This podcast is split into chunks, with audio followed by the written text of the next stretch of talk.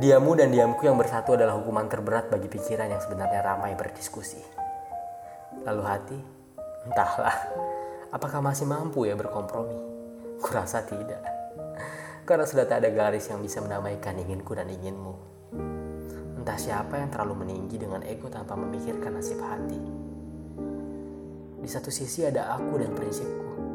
Ingin jadikan kita yang tak hanya cerita biasa, namun cerita sepanjang masa dan di sisi lain masih ada kamu dan juga ketetapanmu. Memang di garis awal kita tahu persis ke mana langkah kaki akan mengarah.